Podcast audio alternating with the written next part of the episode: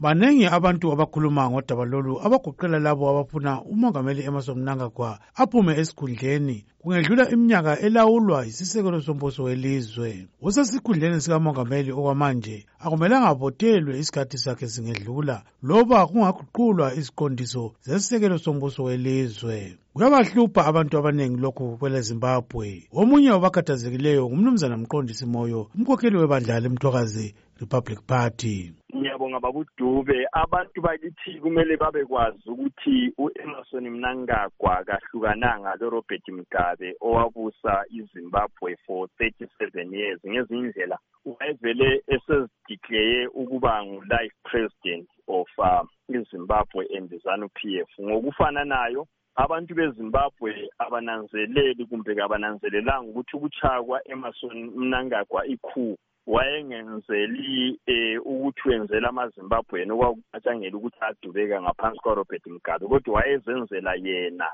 ukuthi angabamba intambo eh ahlale laye unomphela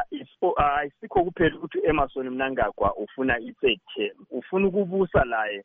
kuze kube yilokhuyana usimon mzenda owayehlale sithi umgabe uzabusa amadonki aze amile impondo layo emasweni mnankagwa ngicabanga ukuthi akulwisayo kathesi ukuthi abuse amadonki aze amile impondo ngoba izanu p f kayikaze yahlonipha ikhonto okuthiwa yi-constitution kababusi belandela i-constitution yelizwe abantu abaningi abaphikisa umbuso kamnangagwa balombono ofanayo kodwa ophethe isikhundla sobona ngokwethulwa kwemibiko kubandla le-zanup f umnumzana barai marapiri ukuthi kabakakhulumisani ngodaba lolu loba lusekelwa ngumsekeli kamongameli umnumzana kembo mahade labanye it is expected that uh, zanu as a party is one of the most democratic institutions in which people will uh, have any discussion of their choice but people having a discussion is uh, neither here nor there uh, when uh, things are set in motion uh, certain concrete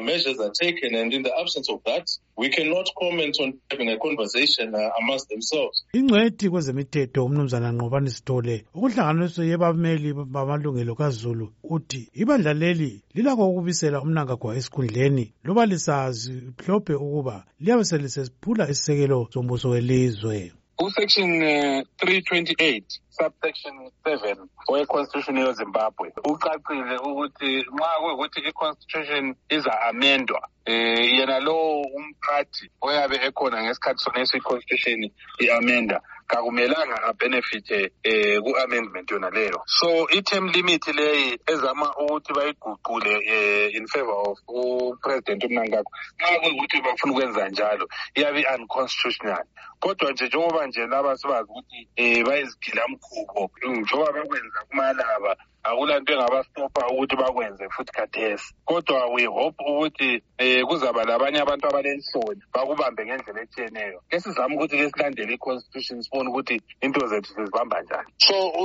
usection uh, 328 uh, subsection 7 uyacaca kakumelanga abenefite ku-amendment ye-constitution nxa kuyikuthi bazama ukuthi bangezelele i-term limit eh, ekapresident njengoba ngitshilo ukuthi kusho ukuthi kuyabe kumele ba-amende futhi yona le iprovision ngeconstitution kodwa nxa usulamendela leyi provision yeconstitution iyabe sile-effect yona leyo yokuthi yena lowo ofuna ukubhenefitha on it should not be part of i-office yona leyo ezama ukuthi abhenefithe kiyo so kuyabe kungekho constitutional whatever that they may try to do is not constitutional umnankakho wangena esikhundleni sikamongameli ngomnyaka ka-2017 kulandela ukugenqula owayengumongameli urobert mugabe ebambisana lebutho wakhethwa kwabili nguzulu kukhetho olwenziwa ngeminyaka eyalandelayo kodwa abaphikisa besithi waqilibezela